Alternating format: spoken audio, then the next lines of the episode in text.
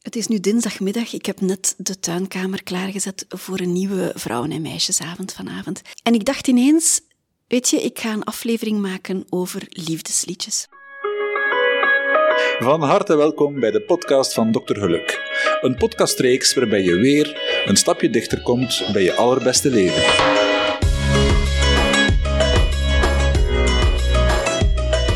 Welkom waar je ook bent, waar je ook ligt en als je onderweg bent, hou het dan veilig. Overal waar ik ben heb ik muziek op. Ik heb muziek in de badkamer, ik heb muziek in de auto, ik heb muziek terwijl ik kook, ik heb muziek in de tuinkamer. Muziek is een heel belangrijk aspect in mijn leven. Ik ben mijn lief zo dankbaar dat hij mij overtuigde om een abonnement op Spotify te nemen. Ik stond daar weigerachtig tegenover. Het is denk ik veruit het abonnement dat ik het liefst betaal. Ik heb veel speellijsten gemaakt en bij elke vibe hoort een andere speellijst. En wat mij onlangs opviel, dat is de, de, liedjes die ik vroeger het meeste meezong, meekweelde, uit volle borst, heel passioneel.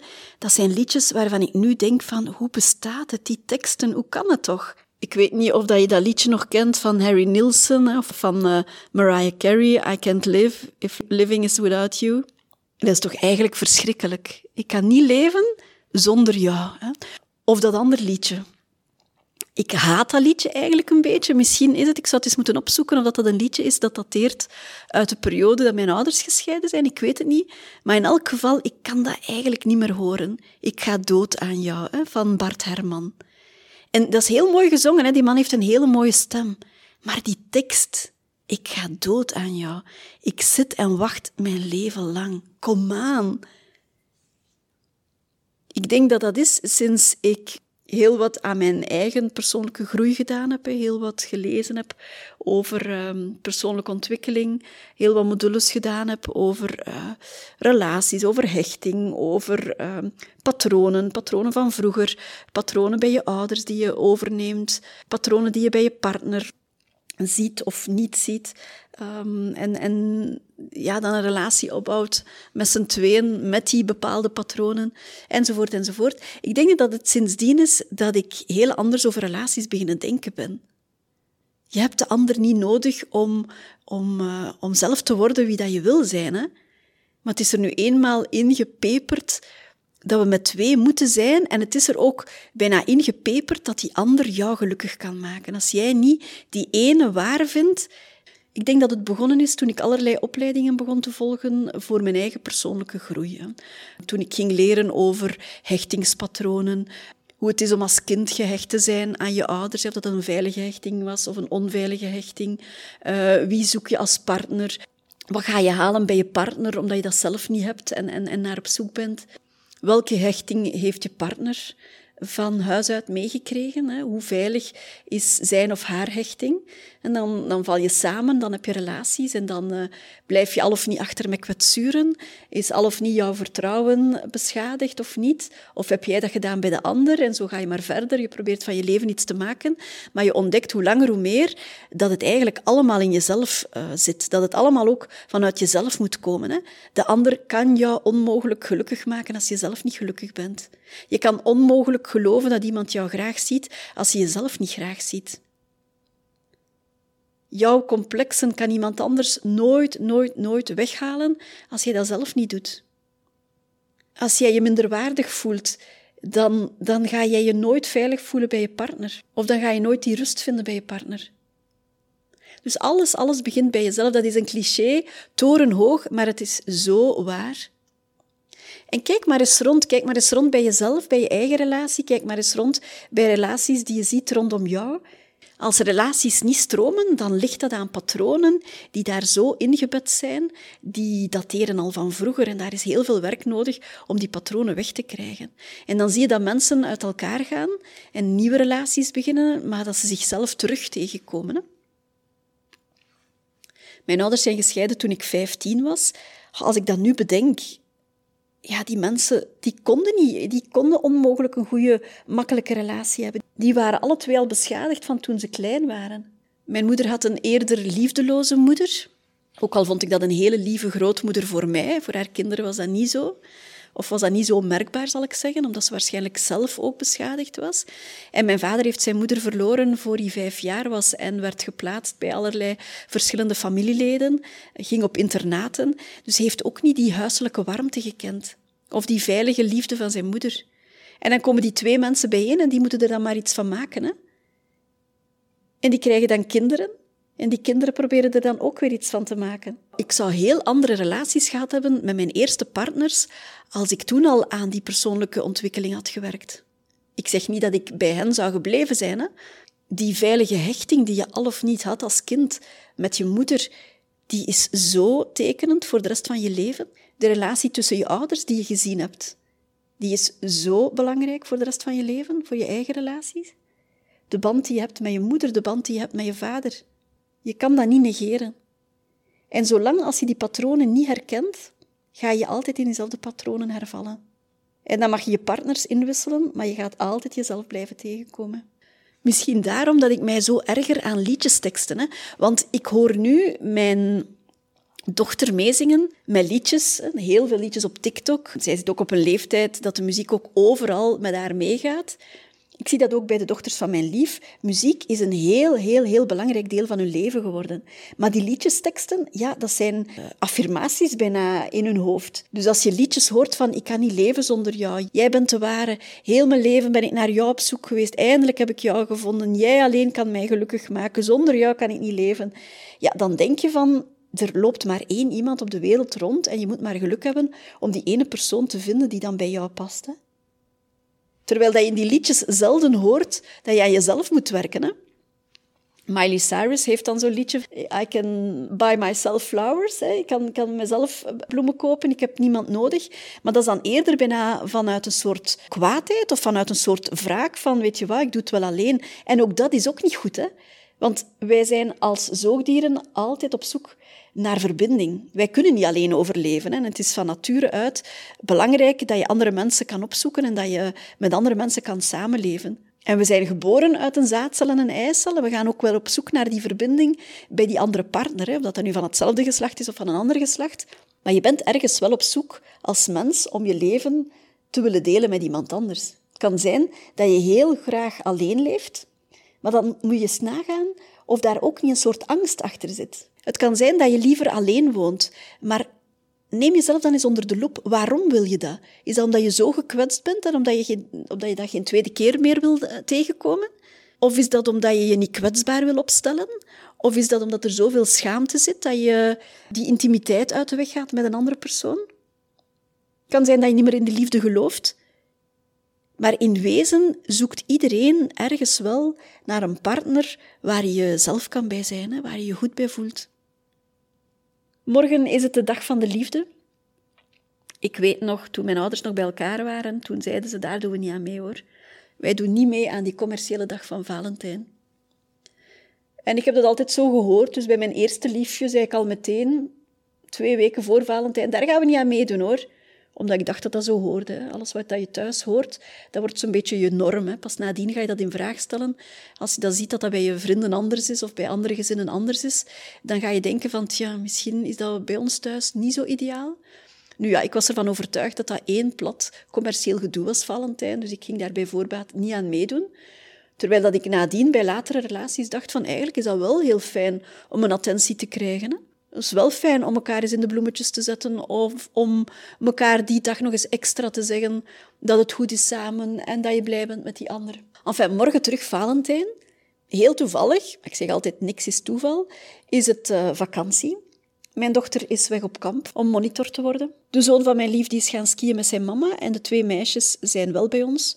Dus wij hadden besloten om een paar dagen naar Parijs te gaan. Natuurlijk vind ik dat heel fijn dat dat net met Valentijn is. Hè? En toch vind ik dat je dat niet moet opsparen tot die dag van Valentijn, om elkaar te zeggen hoe blij dat je bent met elkaar, of om attent te zijn, of om eens een briefje te schrijven, een kaartje te schrijven, om eens bloemen te geven, om een klein cadeautje te geven. Die attenties door het jaar door, die houden het leven kleurrijk. Stel je voor dat je alles op die ene dag van Valentijn zit en net dan komt er iets tussen. Of net dan vergeet jij of je partner om iets te halen voor de ander of iets te maken voor de ander. Wat een ramp is dat dan niet? Terwijl als jullie door het jaar heen attent zijn voor elkaar, dan is die ene dag niet zo belangrijk. Zonder daar heel veel geld aan te geven, dat hoeft niet. Maar terug naar de liedjes. Ik zong vroeger heel hard mee met Meat Love. I do anything for love. No one else can save me now but you. Maar hoor je dat? Hoor je dat? Dat hij vraagt aan iemand anders, dat hij zegt tegen iemand anders van alleen jij kan mij redden. Dat is toch te belachelijk voor woorden. Hoeveel druk leg je niet bij die ander voor jouw geluk?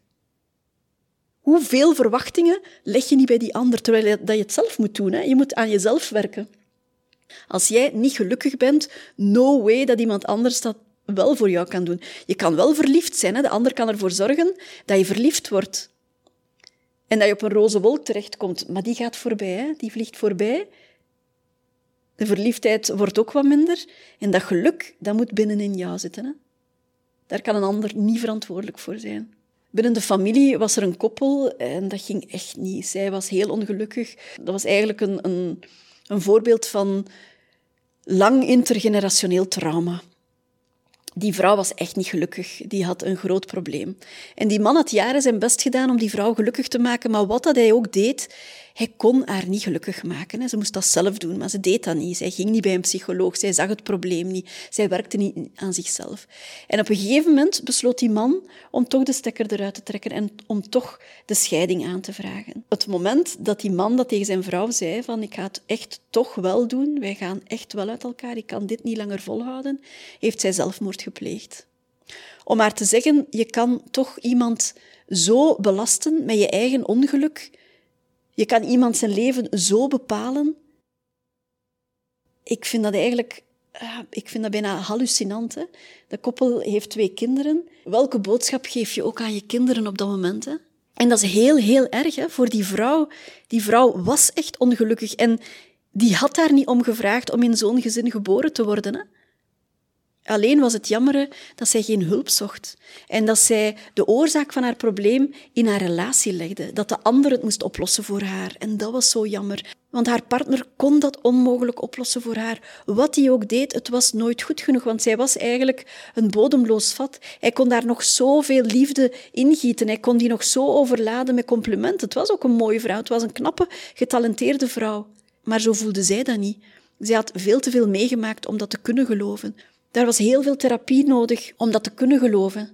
En ik begrijpte dat zij het leven niet aankon en dat zij geen uitweg zag op het moment dat haar man zei van hier doe ik niet meer aan mee. Maar hoe zonde was dat? Hoe zonde is het om heel je leven weg te gooien voor één persoon? Je kent vast ook wel zo'n verhaal in jouw omgeving. Hè? Mensen die zelfmoord plegen omdat iemand het uitmaakt. Het kan een hele grote crisis zijn, maar je kan uit een crisis geraken. Je kan alle twee wel verder. Met de gepaste hulp, met mensen rondom jou die jou steunen, kan je wel verder. Die ene persoon is niet verantwoordelijk voor het al of niet verder zetten van jouw leven. Ik zie mensen die na een gebroken relatie gewoon niet meer aan een nieuwe relatie durven beginnen. Of ze wachten te vergeefs op die ene, op die ene zogenaamde ware, die nooit terugkomt. Of ze durven niet meer beginnen aan een nieuwe relatie, omdat het vertrouwen zo gebroken is. En natuurlijk is dat een veilige kokon waar je jezelf in opsluit. Hè? Ik hoef geen nieuwe relatie meer. Oké, je hoeft geen nieuwe relatie meer, maar je gaat dan ook al die mooie dingen missen die je met twee kan doen. Je gaat jezelf beschermen voor de pijn, maar je gaat ook alles uitsluiten van leuke dingen die je met twee kan doen. En dan is mijn raad, ga daar toch mee aan de slag. Ga in therapie, ga bij een coach, ga bij een psycholoog, maar praat daarover. Praat erover met je naaste omgeving. Praat erover met mensen die jou goed kennen of die die andere partner goed kennen. Maar spreek over je emoties, spreek over je verdriet, spreek over je gemis. En blijf buiten komen, blijf andere mensen opzoeken. Want als je gevangen zit in je eigen gedachten, dan ga je in een neerwaartse spiraal naar beneden. Dan is er niemand die jou tegenspreekt, niemand die jou andere opties aanreikt, niemand die jou licht laat zien aan het einde van de tunnel. Dan blijf je thuis en dan ga je vereenzamen. Anderzijds, je kan ook in een relatie zitten en heel ongelukkig zijn. Maar toch niet durven weggaan, omdat je voor je gemak kiest, voor je comfort, omdat je opziet tegen heel die rompslomp, omdat scheiden falen zou zijn en je wil niet falen. Maar wat en wie offer je dan op? Je kent ze ook vast, hè? al die mensen die vastzitten in hun gouden kooi. En soms is dat een job. Blijf je in een job zitten die je eigenlijk niet graag doet, maar die zo goed betaalt, die zekerheid biedt. Maar je gouden kooi kan ook je huwelijk zijn, je relatie. Dat je bij je partner blijft, omdat je nu eenmaal een huis samen hebt. Omdat je kinderen hebt samen. Omdat je de kinderen diezelfde luxe wil blijven geven. En als je zou scheiden, ja, dan ga je er financieel op achteruit. Hoeveel kwalen, hoeveel stress komt er niet voort uit slechte relaties? Hoeveel spanning ondervinden kinderen als ze bij ouders moeten leven waar het niet stroomt? Waar er geen liefde is, waar er geen harmonie is, maar waar er alleen ruzie is, verwijten, koude oorlog, doodse stiltes, geen affectie. Maar alles begint bij de liefde voor jezelf. Als jij jezelf niet de moeite waard vindt, dan ben je daar tevreden mee dan ga je blij zijn met dat halve leven. Dan ga je blij zijn met, och ja, het is goed genoeg. Maar als je jezelf heel graag ziet, dan ben je niet tevreden met het minste. Dan ga je voor het beste. Dan vind je jezelf meer waard dan een relatie die je ongelukkig maakt. Dit is een heel mooi liedje van Whitney Houston, The Greatest Love of All. Je moet daar eens naar luisteren is een hele mooie tekst. Ik mag dat liedje hier niet volledig laten horen, want anders wordt mijn podcast geband, omdat ik dan speciale auteursrechten of zo moet betalen, dus ik doe dat niet. Maar zoek dat liedje eens op van Whitney Houston. En wat ik ook een heel, heel mooi lied vind, het is een van mijn lievelingsliedjes. Ik heb dat in een moeilijke periode in mijn leven grijs gedraaid in de auto. Het is ook een van de lievelingsliedjes van mijn dochter trouwens. En deze week had ze het nog eens laten spelen in de auto toen we samen naar Antwerpen reden.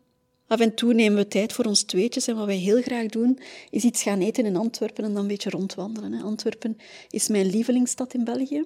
Ik kom daar heel graag en af en toe doe ik dat ook met de dochters van mijn lief en mijn eigen dochter.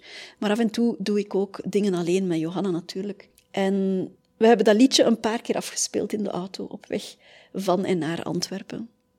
Het is een liedje dat komt uit de mooie, fantastische film The Greatest Showman. Er komen heel veel mooie songs in die film. Heel mooie teksten zijn dat. Maar Tightrope is onze favoriet. En je moet eens naar die tekst luisteren. Dat is zo mooi.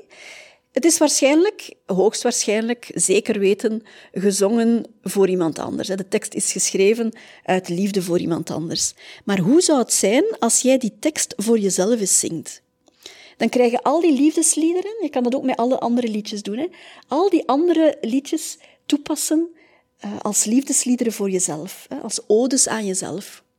En dan moet je eens luisteren naar die tekst van Tightrope. En daar staat bijvoorbeeld in van hand in hand and we promise to never let go. Dat je jezelf niet in de steek laat. Je kan dat beloven aan iemand anders, maar je weet nooit hoe het leven loopt. Jij weet niet of je partner heel zijn of haar leven bij jou gaat blijven. En dat doet er ook niet toe, want je weet het niet. Je weet ook niet of dat jij dat nog zou willen. Er komt een moment misschien dat de liefde echt op is en dat je zelfs in verbinding mooi uit elkaar kan gaan. Dus die dingen van altijd en eeuwig en voor altijd, ja, het kan en het zou mooi zijn, maar het is niet altijd zo. Hè? Maar in dat liedje komt er hand in my hand and we promise to never let go. Als je jezelf nooit in de steek laat, hoe mooi is dat als je trouw blijft aan jezelf. Hè? Er komt bijvoorbeeld ook in, so I risk it all just to be with you. I risk it all for this life we choose. Jij kiest hoe je je leven wil leiden. Jij kiest wat er belangrijk is. Hand in hand, maar hand in hand, hand in hand met jezelf in plaats van met je partner. En bij uitbreiding, als jij gelukkig bent met jezelf, dan kan je ook je partner gelukkig maken. Maar er is niks zo vervelend en niks zo vermoeiend als die liefde altijd bij je partner te gaan halen. En tuurlijk moet er evenwicht zijn. En tuurlijk wil je voelen dat je partner jou graag ziet. Hè? Maar het doet niet uit als jouw partner je honderd keer laat voelen dat hij of zij jou graag ziet, als hij dat zelf niet beseft. Als jij zelf niet jezelf graag ziet dan komt dat niet binnen. Dat glijdt van jou af zoals water van een eend. Als je jezelf graag ziet, dan kan je ook geloven dat iemand anders zegt, ik vind jou fantastisch. Maar als jij jezelf niet fantastisch vindt, hoe zou je dan geloven dat iemand anders dat tegen jou zegt? Als jij voor de spiegel staat en je durft jezelf niet bekijken, ik zie dat hier vaak op een vrouwenavond bijvoorbeeld, en dan liggen er ook altijd spiegeltjes. En dan laat ik de vrouwen ook eerst eventjes in de spiegel kijken, naar zichzelf kijken. En soms vraag ik, hoe was dat? En altijd zijn er wel vrouwen die zeggen, ik vind dat heel moeilijk naar mezelf in de spiegel kijken. Hoe kan je dan geloven dat iemand anders zou zeggen: Ik vind jou knap? Ik vind jou aantrekkelijk. Als je zelf niet in de spiegel durft kijken en als je zelf niet durft zien hoe mooi dat je bent. En ik weet wel, je zal niet perfect zijn. Niemand is perfect. Ik ben ook ver van perfect. Maar het moment dat ik mezelf graag zag, ondanks al mijn imperfecties, kon ik ook eindelijk geloven dat iemand anders mij graag zag. En ik had al wel relaties gehad en ik had me al wel geamuseerd en ik had al kunnen graag zien en ik werd al graag gezien. Maar die moment is er iets geschift. Omdat het toen echter was. Het werd allemaal veel authentieker. Het moment dat je jezelf aanvaardt met al die imperfecties, dat je graag naar jezelf kijkt, dat je blij bent met jezelf, met je goede kantjes en met je slechte kantjes, dan kan je dat ook met iemand anders. En dan kan je ook geloven dat iemand anders jou graag ziet, ook je slechte kanten. Maar zolang als jij die slechte kanten van jezelf niet aanvaardt, hoe kan je dan geloven dat iemand anders jou graag ziet? Want dan denk je, ik ga vroeg of laat door de mand vallen. Maar vroeg of laat gaat hij ontdekken dat ik die en die slechte kantjes ook heb. Of dan ga je je proberen te verbergen, dan ga je je imperfecties proberen te verbergen. Dan ga je heel veel moeite doen om die niet aan het licht uh, te laten komen. Hoe vermoeiend is dat allemaal? So I risk it all just to be with you. I risk it all for this life we choose. Luister eens naar dat liedje, Tightrope, Michelle Williams uit The Greatest Showman.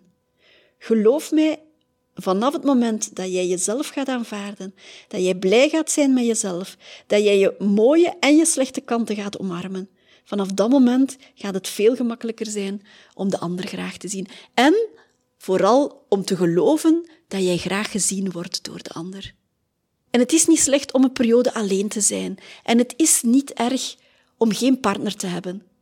Want in die tijd kan je leren om gelukkig te worden met jezelf. En kan je ontdekken hoe het is om met jezelf te leven. Wat heb je graag, wat heb je niet graag? Wanneer is jouw energie op zijn best? Wat heb jij nodig om op te laden? Al die dingen kan jij leren als je alleen woont. Of alleen bent, of alleen op vakantie gaat. Je weet dat ik daar twee afleveringen over heb. Eh, de vorige aflevering gaat over alleen zijn. Waar ik ook zeg dat je altijd uh, in mijn huisje terecht kan als je daar nood aan hebt om een paar dagen alleen te zijn. Een van de eerste afleveringen is over alleen op reis gaan, hè, over hoe dat je een scheiding kan voorkomen door alleen op reis te gaan. Maar er zijn ook afleveringen bij, bijvoorbeeld over zelfliefde, waar ik vertel uh, hoe ik mijzelf niet in de spiegel kon zien, hè, ook mijn neus, mijn eigen neus, verachten. En alleen zijn is niet hetzelfde als eenzaam zijn. Er zijn mensen die alleen wonen en die veel gelukkiger zijn dan mensen die eenzaam zijn in hun relatie. Die niet graag thuiskomen, ook al is daar een partner. Maar die liever alleen zouden zijn. Eenzaamheid en alleen zijn, dat zijn twee verschillende dingen. Je kan verbinden met andere mensen. Hè. Dat hoeft niet noodzakelijk met een partner te zijn. Je kan met veel mensen verbinden. Je kan verbinden met je vrienden, met je familie, met je buren. Zoek mensen op, kom buiten. Ga niet vereenzamen. Maar alleen zijn, dat kan deugd doen. Ik wens jou een mooie dag van de liefde morgen. Morgen en alle dagen van het jaar. Maar vooral zie jezelf graag. Tot volgende keer. Je vindt mij terug op www.doktergeluk.com. Ik heb een Instagram-pagina onder Dokter Geluk, ook een Facebook-pagina onder eh, Dokter Geluk. Laat mij weten wat je ervan vindt. Geef mij tips voor nieuwe afleveringen en abonneer je als je geen enkele aflevering wil missen. Weet dat jij aan het stuur staat van jouw leven. Dat jij de kapitein bent van jouw leven. Jij weet je waarden en je normen. Jij kan kiezen wat jou gelukkig maakt. Hou je goed en tot de volgende keer.